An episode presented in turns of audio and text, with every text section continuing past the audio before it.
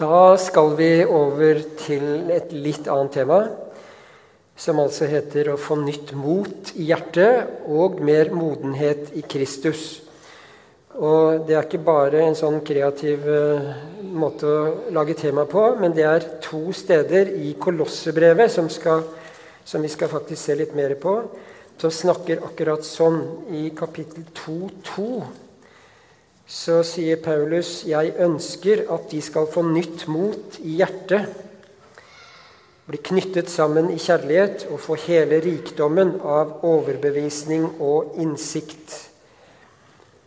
Og det med modenhet i Kristus, det står i 1.28, hvor Paulus kan si det er ham vi forkynner og vi rettleder og underviser alle mennesker i den fulle visdom for å føre hvert menneske fram til modenhet i Kristus.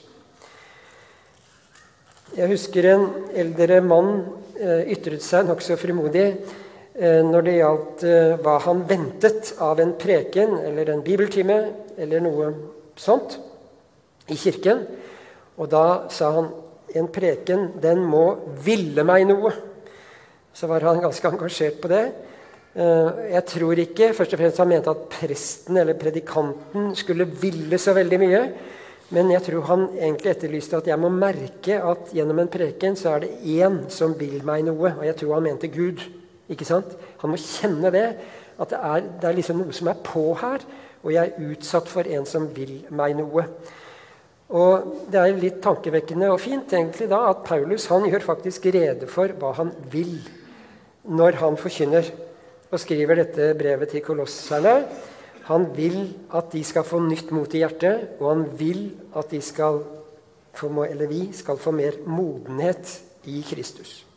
Så kan det på en måte være retningen for det vi nå skal snakke om.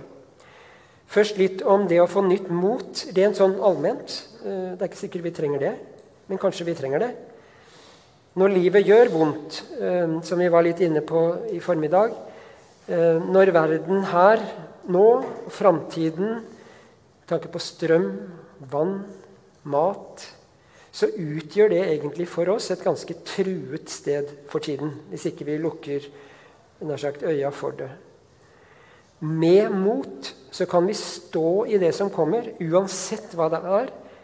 Ehm, vi kan stå i det uten å fortrenge det. Det har med mot å gjøre.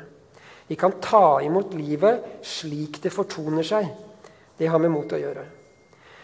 Og har vi mot, så kan vi også la medmennesker, uansett situasjon, så kan vi la medmennesker angå oss på en god måte. Vi trenger ikke å skyve dem ut, unna eller trykke dem ned. Men vi kan liksom leve i et, i et, godt, sunt forhold til våre medmennesker om vi har mot. Um, det å mangle mot, det er å ikke orke. Resignere. Jeg vet ikke om det nytter. Er det egentlig noen vits i? Og det kan også eh, komme inn et sånt mangel på mot i dette med troen og, og kristenlivet, eh, som, som, vi for så vidt var litt inne på. dette at er jeg for liten til, til det? Å liksom være så veldig kristen? Er det noe Min bønn, er det noe å snakke om? Jeg kan, jeg kan, det kan bli noe sånt som trekker meg ned med tanke på det jeg er og har, som, som er mangelfullt. Og så mister vi motet. Så mot, det er å kunne forholde seg til en vanskelig situasjon. Det er et slags indre løft uh, som passer til den situasjonen jeg er i tror jeg vi kan si. Hvis du har mot. Og så var det en nærstående av meg som heter Toril, som jeg er gift med. Eh, jeg spurte henne hva som gir henne mot, og hun var ganske kjapp på svaret. 'Hvis du sier meg noe godt om meg selv', sa hun. Det var jo en hyggelig bestilling. Men det verste var at vi eh, Det var en eller annen situasjon før eller etter hvor jeg faktisk gjorde akkurat det. Og eh, Toril, kona mi, hun er ganske sånn eh, nær sitt eget indre og stemningsskifter og sånn. Og i en litt sånn fortvila situasjon, ikke veldig, men den var krevende nok, så, så, så, sa jeg noe positivt om henne til henne. Og det kom fra hjertet. Jeg kjente at dette var bra saker. Og hun bare kjente at ja, men da var det ikke så farlig. eh, det hun sto oppi. Og det var ikke fordi hun mista hodet, eh, for det var helt med. Men det var fordi en, en indre løft var der. Og jeg tenker det er mot. Eh, og Paulus ønsker altså det, at vi skal få nytt mot i hjertet. Eh, han kan selv snakke om i Filippe-brevet at han, han, han kan si at Han bruker et ord som er helt pussig. Han er innviet, sånn som Fred Arve er innviet til prest, eller dette huset er innviet til kirkerom, så er han, Paulus, innviet til både å kunne ha overflod og lide nød. Eh, til å være mett Det er ikke så vanskelig å tenke seg, ja, greit nok. Eller til å sulte. Så når han møter sult, det møtte han en del av, og han møtte slag og han møtte ganske mange fæle ting, så vet han med seg selv dette er jeg innviet til å kunne stå i. Det betyr ikke at han var tøff og kjekk og hadde kreftene, men han visste at det, det å være i Kristi følge gjør at det er, det er, på en måte greit. Det kan være sånn. Jeg er innviet til det. Så, så, sånn kan vi smake på dette og være, ha mot også. Det er at vi er innviet til å eh, nøye oss med situasjonen sånn som den er. Eh, I Kristus. Så der er det liksom snakk om både inspirasjon og mot på en måte på en gang. Da. Alt makter jeg i ham som gjør meg sterk. Kan han si, eh, som kjenner både fengsel og forfølgelse og, og faktisk tortur. Eh, men motet eh, kunne han altså få beholde i Kristus. En mer verslig definisjon på mot er en, eh, som er interessant, det er en gjennomtenkt og besluttsom vilje til å gjøre det rette eller gode, basert på en persons dypeste overbevisning og verdier. Litt lang og kronglete, men jeg syns den var veldig meningsfull. Vi er på en basis av noen verdier og en overbevisning, og ut fra det kan vi ta eh, valg som er preget av eh, av eh, noe besluttsomt og gjennomtenkt, og vi står for det. Mot. Derfor mister vi ikke motet, kan Paulus si i 2. Korinterbrev. Og nå går han et skritt lenger i forhold til liksom, å, å, kunne møte noe med mot. Han sier selv om vårt ytre menneske, det betyr hele kroppen og alt sykdom, det verste som kan skje Selv om det går til grunne, så blir vårt indre menneske fornyet dag for dag. Så han kjenner til noe med dette med å modnes, noe som faktisk blir sterkere, får mer karakter av glede og bærekraft, enda veldig mye forvitrer med selve oss og kroppen. Inn i dette eh, er det han eh, taler og henvender seg. Det var med mot, og så var det dette med modenhet, som ikke jeg skal si så mye eh, om. Men det kan gå an å ha veldig mange år i menigheten, vite mye, snakke mye, kanskje også om kristent, men uten egentlig at det kommer fra et modent en moden sjel i Kristus, om jeg skal si det sånn. Det betyr ikke noe sånn veldig åndelig, men det betyr noe som er integrert, noe som er forankret i en persons dype jeg, um, som handler med modenhet å gjøre. Så jeg tror Paulus er ganske aktuell når han vil dette. Han sier ikke 'mer modenhet', han, da, men det er noe jeg sier. Eh, for jeg tror det handler om det å vokse i modenhet. Så hvis du kjenner på det, ønsket om mer mot i Kristus og mer modenhet i Kristus, så er det veldig verdt, tror jeg, til å lytte til det som nå kommer fra Paulus sin eh, penn. Eh, som nesten kunne være sånn lytt på radio, men med motsatt fortegn. Nå er det ikke krig, men nå er det noe veldig sånn til mot og til modenhet. Og da er vi i eh, det som er hovedteksten nå, disse versene i første kapittel i Kolossebrevet, 15-20. Kolossermenigheten er en ung menighet. Det betyr ikke unge mennesker uten videre, men menigheten har ikke vært der så lenge. Uh, og de er blitt kristne for relativt kort tid siden, mange av dem, i et veldig versliggjort samfunn med masse annen religiøsitet og, og, og, press fra mange kanter, også fra uh, jødedommen. Paulus har ikke vært der. Paulus sitter sjøl i fengsel. Det er ganske interessant å ha med seg når jeg skal lese det jeg skal lese. Eh, å snakke om mot. Det er hans posisjon. Og jeg tror at den teksten vi skal lese, er liksom det Paulus mest liksom, henter inn, eller henter oss inn i, eller dytter på oss Nei, ikke dytter på oss, men fører frem til oss for å gi oss mot og modenhet. Det vi leser, er egentlig poesi. Dere som har Bibel foran dere, vil se at det er sånn ujevn høyre marg. Eh, det er et uttrykk for liksom, eh, verselinjer. Og jeg tror det går an å tenke også at poesi både her og ellers det er en, en form som egner seg, og som ofte er ment som her kommer det noe korthugget.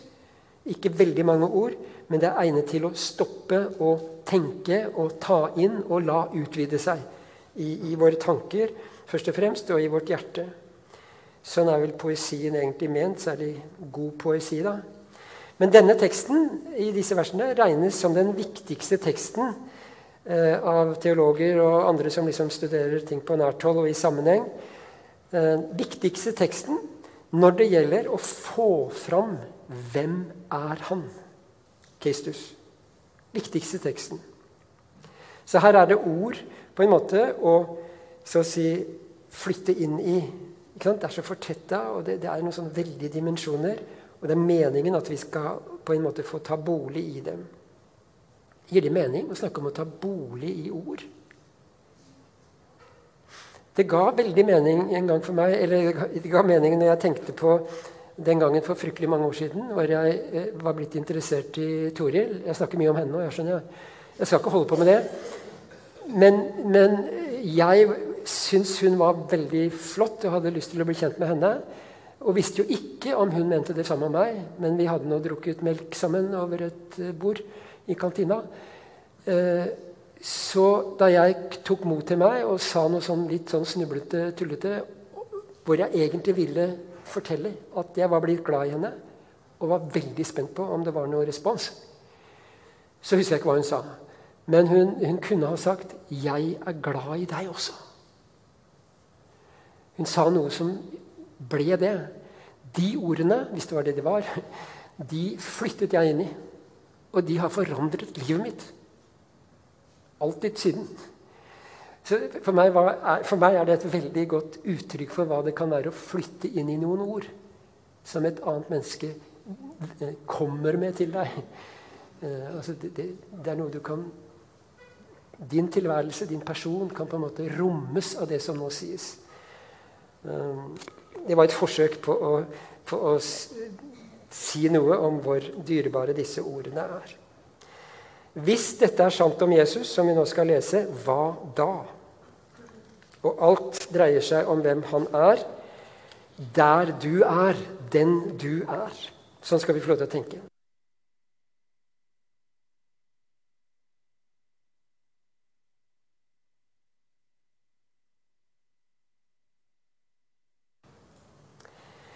Og jeg vet ikke om dere har så, noen har sånn forkjærlighet for katedraler. Jeg vet ikke om jeg har det sjøl heller, for det er litt sånn fremmed.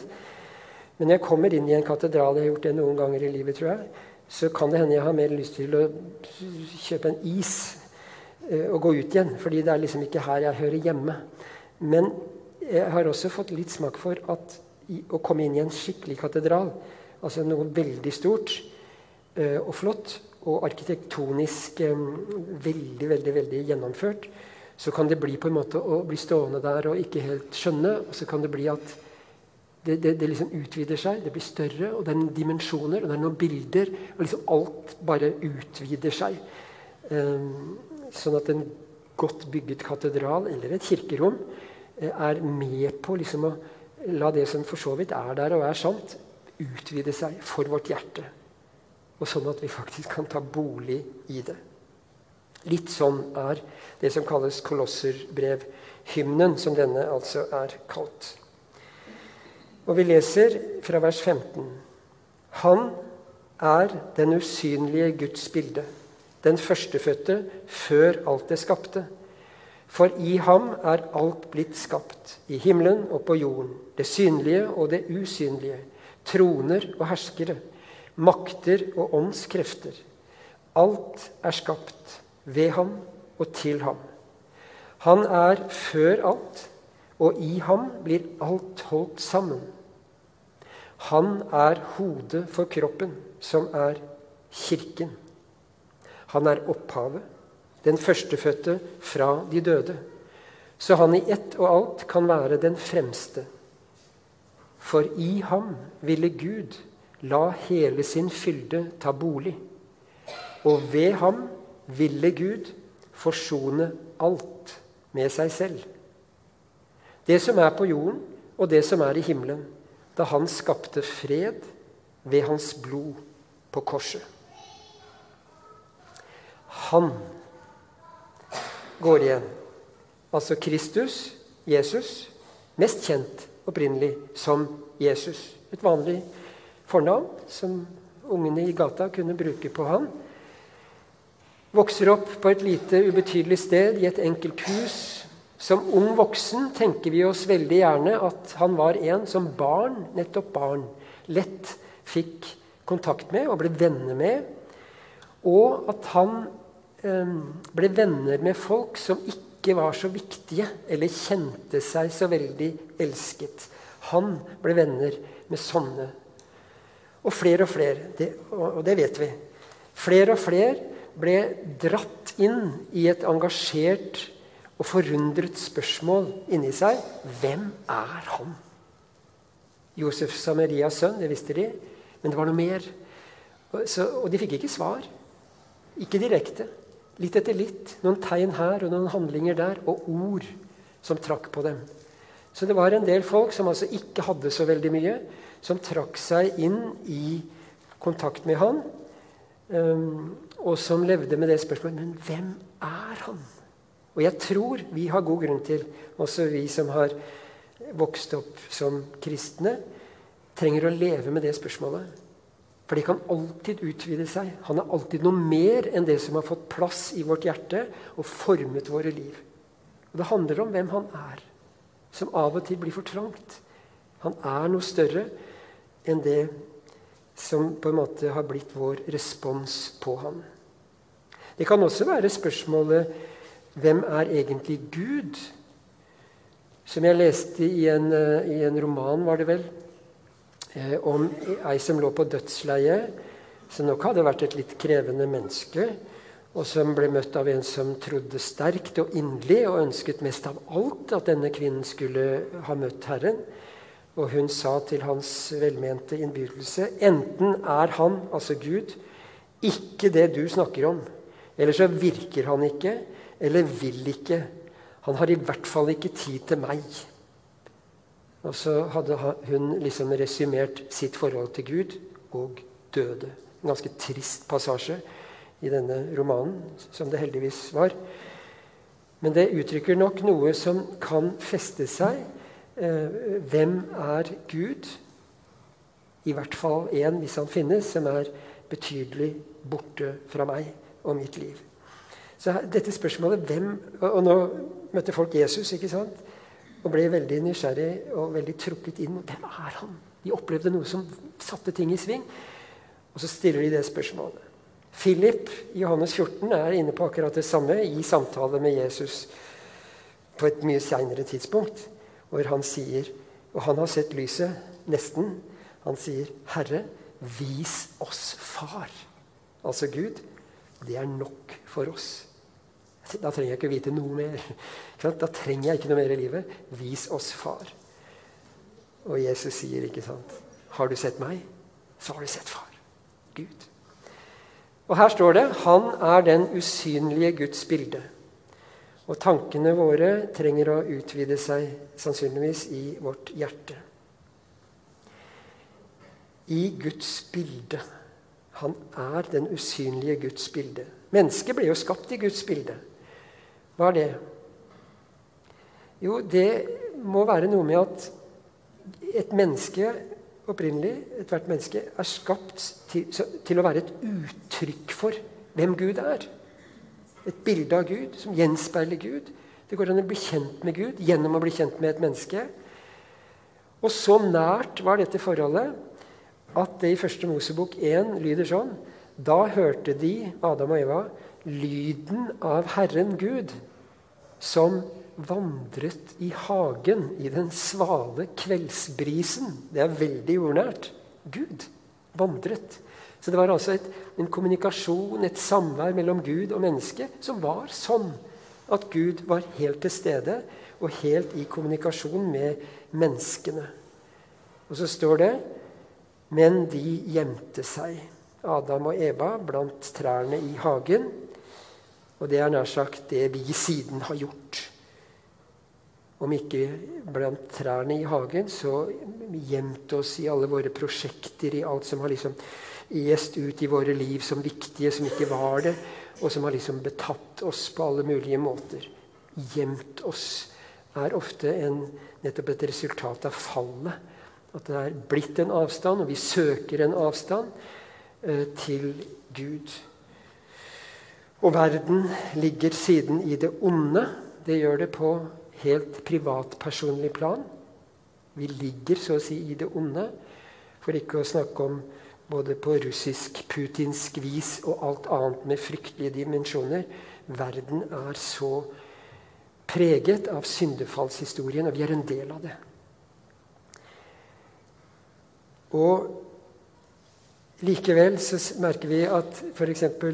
Augustin kan si eh, Hvor han liksom har en slags troens trass i å si at mitt hjerte Eller nei, han sier du har Gud, altså, du har skapt oss til deg, Gud. Han slipper ikke taket i det at vi er skapt til Gud. Til å ha kontakt, være relasjon. Og vårt hjerte er urolig inntil det finner hvile i deg.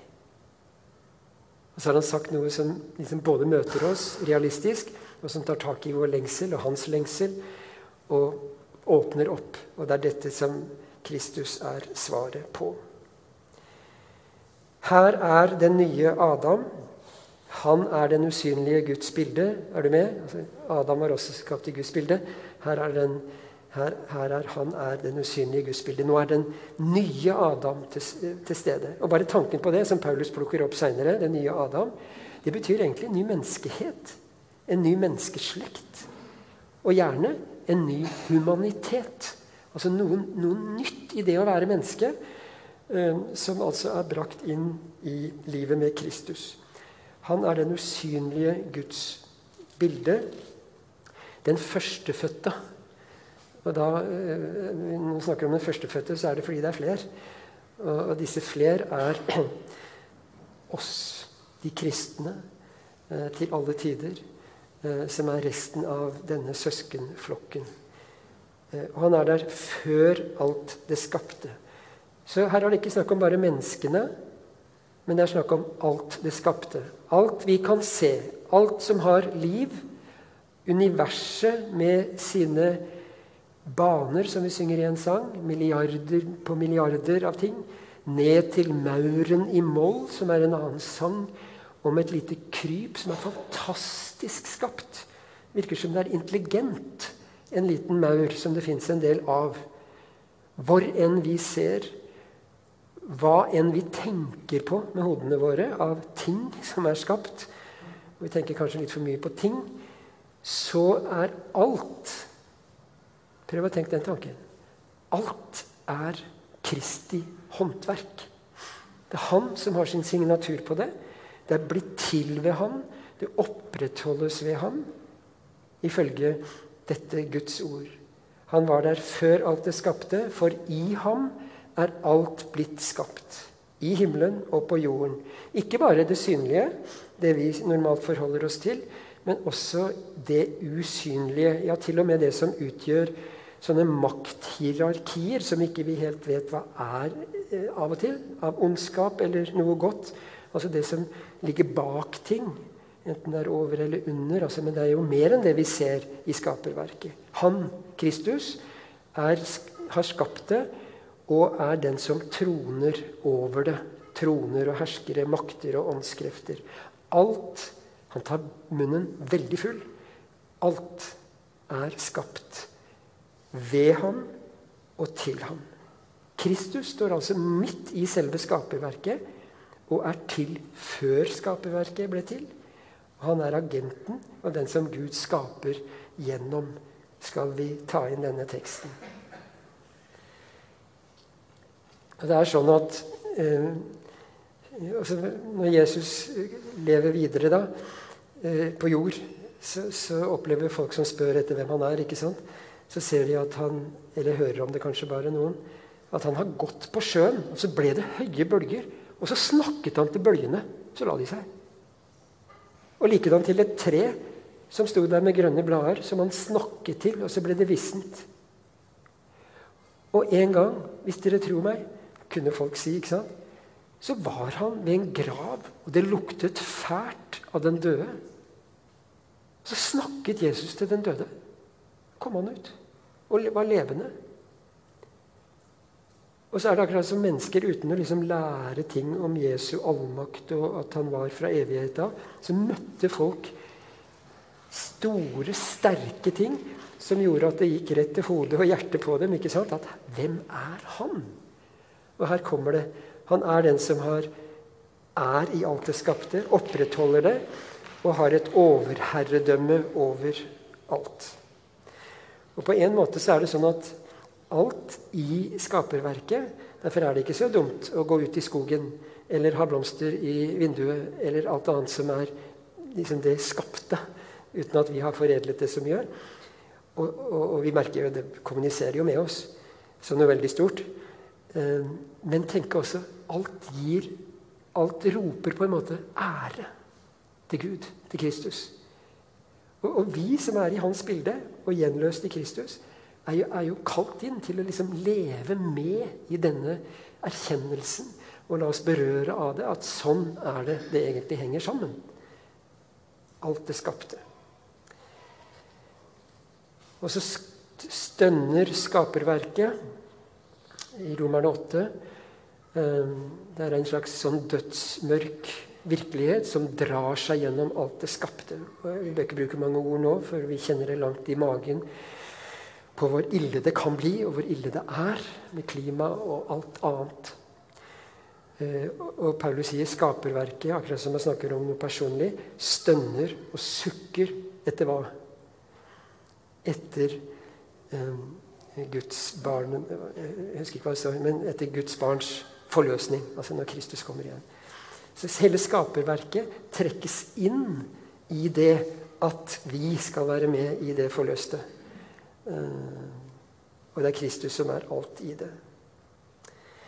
Så, men midt i denne hva skal vi si, mørke virkeligheten som drar seg gjennom skaperverket, skal vi få feste oss ved den innerste virkeligheten, som ingen vanlige medier snakker noe særlig om, men dekker veldig godt uh, ting på et helt annet plan.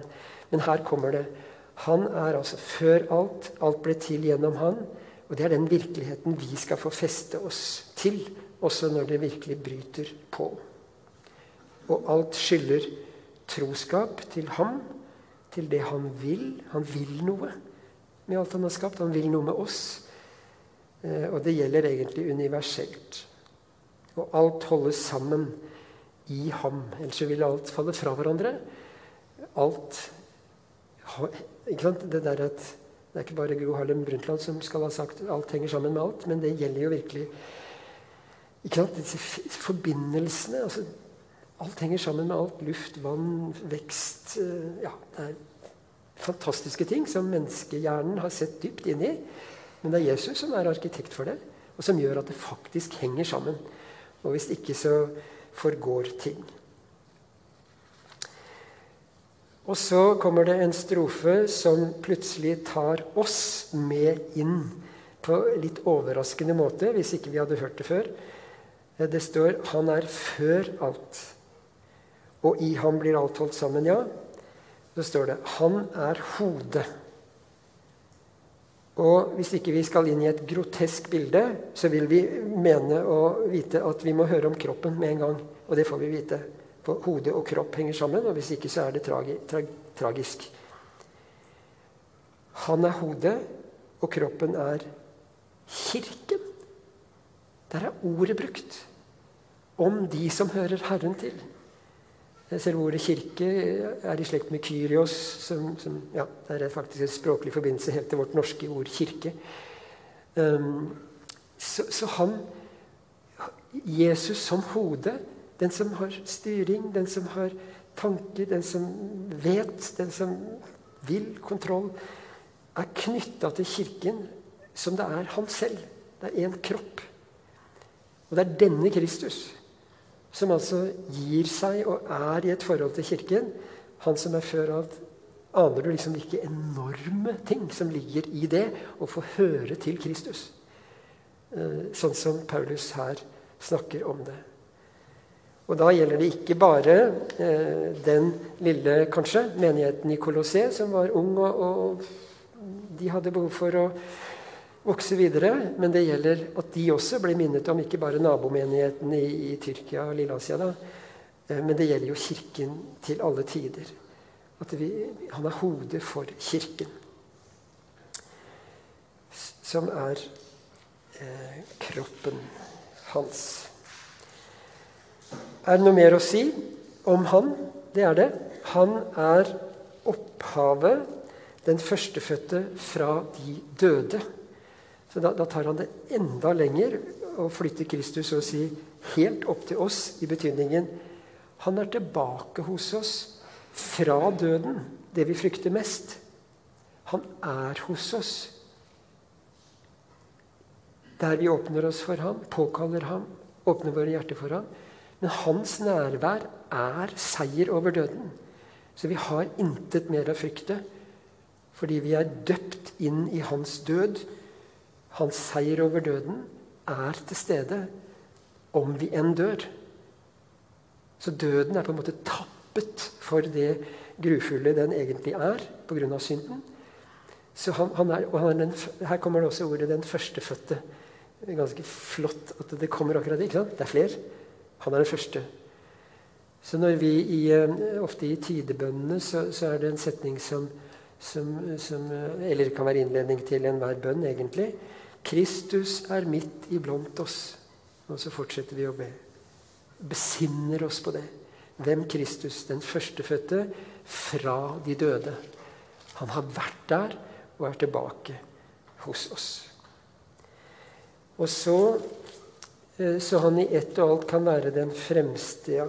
Vi ser til ham gjennom alt som er, eh, og vet at, at alt vi forholder oss til, så, så, er det noe mer å se i det. Han. Han er den fremste. Uh, skal vi tenke på framtiden? Han er den fremste. Skal vi tenke på hvordan det går med oss? Han er, han er den fremste, seiret over alt, og er livet i vårt liv. Og så kommer det to ting som jeg var inne på i starten. Hva vil Gud? Her står det to setninger om hva Gud ville. Og det bringer dette enda nærmere oss. Han ville la hele sin fylde ta bolig i ham. Det er på en måte litt repetisjon nå, men det sies Gud ville det og gjorde det. Alt det Gud er, er Jesus, som vi nå kan følge. Vi kan lytte, vi kan se hva han gjør. For det er jo så mye lettere å bli kjent med et menneske. ikke sant? Ingen kan se Gud. Men et menneske kan vi se, bli kjent med, få følelser for, oppdage hva rommer. Og jeg tror det er meningen at liksom det å bli kjent med Kristus, det er å, å liksom få en sånn kontakt som om det var et menneske, for han er et menneske. Og samtidig er han Gud, opphavet, der alt liv kommer fra. Men vi blir kjent med ham, blir glad i ham. Eh, og liksom få kontakt. Sånn er det Gud ville ta bolig i ham, som altså er et menneske. Og ved ham kommer det et nytt Gud ville, og ved ham ville Gud forsone alt med seg selv. Det som er på jorden, det som er i himmelen. Så Gud ville forsone.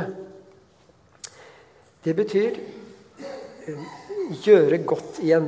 Ordet forsoning handler om at noe er blitt ødelagt. Og det er veldig befriende at det sies, ikke sant? For det er ødelagt. Vi bærer på noe ødelagt. Men Gud ville forsone alt og alle med seg selv. Han ville. Han tar initiativet. Når vi har våre konflikter, så er det ofte uavklart hvem som skal be om forsoning. ikke sant? Eh, hvem har mest skyld og sånn. Eh, overfor Gud så er det veldig klart hvem som har skyld. Gud vil, bestemmer seg og gjør det. Han forsoner oss og alt med seg selv. Han gir seg ikke på at det skal ende godt, at det skal bli vennskap ut av fiendskap. Eh, han vil ha sine barn tilbake, og han gjør det. Guds vilje er det som får ting til å skje. Og altså Det er gjennom Jesus at det skjer. Vi oppdager hvem Guds fylde er til stede i ham. Og jeg syns dette i denne tiden vi nå lever i, som er veldig mørk Den er det. Og Vi bør ikke liksom dra hverandre ned, men vi må snakke realistisk om det. Så er dette så dyrebart at vi får lov til å feste oss ved denne virkeligheten som er der nær sagt om alle mann var døde, om alt ellers rakner. Og han vil, og han får til, å hente oss tilbake til seg. Og han vil, Gud altså, vil menneskefamilien sin noe helt annet enn det det etter syndefallet ble. Det er derfor vi trenger å liksom stadig være våkne for at vi har ikke et hjem her. Vi skal ikke liksom utvide og ordne oss så veldig mye her, egentlig. Vi skal til noe mye mer. Så vi må liksom ikke binde oss til det som er her på jorden. Eh, far vil ha sine tilbake, og han fikk det til. Eh, skapte fred, står det i fortid, ved at ved, Og så kommer den siste setningen i diktet ved hans blod. Altså Jesu blod. Merkelig uttrykk. Hadde vi ikke liksom vært så vant til det? Veldig merkelig uttrykk. Plutselig ser vi for oss en som blør. Død. Forferdelig. Midt i denne enorme sangen om den storheten i Kristus så er det altså et blodig bilde som sies at da skapte Gud fred. Og der ligger alt vårt på Han, som vi var litt inne på i stad. Og han er et offer for det. Og, det er, og dette er liksom sannsynligvis tilværelsens største det, er nesten mer enn skapelsen. Første Mosebok. Det er alt og alle og et helt skaperverk og helt et univers som her blir forsonet med Gud. Og det som gjenstår, det er at vi kommer og tar imot det. Eh, og responderer på det. Og Gud skal selv være midt i byen og tørke hver tåre fra deres eh, ansikt. Som står det om den fullstendige gjenopprettelsen, som da til slutt skjer som en frukt av forsoningen. Alt blir nytt. Og Her blir vi også minnet om at det vi har i utsikt, det er, det er en kontinuitet fra skaperverket og menneskekroppen og det som skal skje når han kommer. Men det er noe mer enn det som var, også i den opprinnelige skapelsen. Det er, det er mer enn gjenopprettelse. Um, så vi trenger her også liksom utvide tankene. Alt blir um, gjenoppstått, akkurat som Kristi kropp var en Det var den samme kroppen, men de kjente han ikke helt igjen. Det var noe mer. Uh, han er den førstefødte, ikke sant? Kristi oppstandelseskropp. Så hele skaperverket skal også inn i noe mer enn det det var, ser det ut til. Så sånn tror jeg Gud uh, arbeider når det gjelder å få mot i oss. Det er å åpne våre øyne for Han, hvem Han er, sånn at liksom vårt hjerte mer og mer rett og slett responderer. Hvis dette er sant, og jeg hører Han til. Så skjer det noe med min vilje og med alt i mitt eget liv som drar på meg og gir meg mot. Der vi lever, sånn livet er. Og så kan han også, når han snakket om dette med å få nytt mot, da, så han, hadde han en setning til om det som han ville, Paulus. at dere, dere blir knyttet sammen i kjærlighet. Det tror jeg henger sammen. Når vi får nytt mot i Kristus, så er det veldig mye som fortaper seg av ugreier oss imellom. Eh, også der hvor vi møter vanskelige mennesker, så kan vi få øye på dem gjennom Kristi kjærlighet. Og så kan vi lære å elske hverandre, også når det ellers kan være litt krevende. Med dette nye motet i Kristus.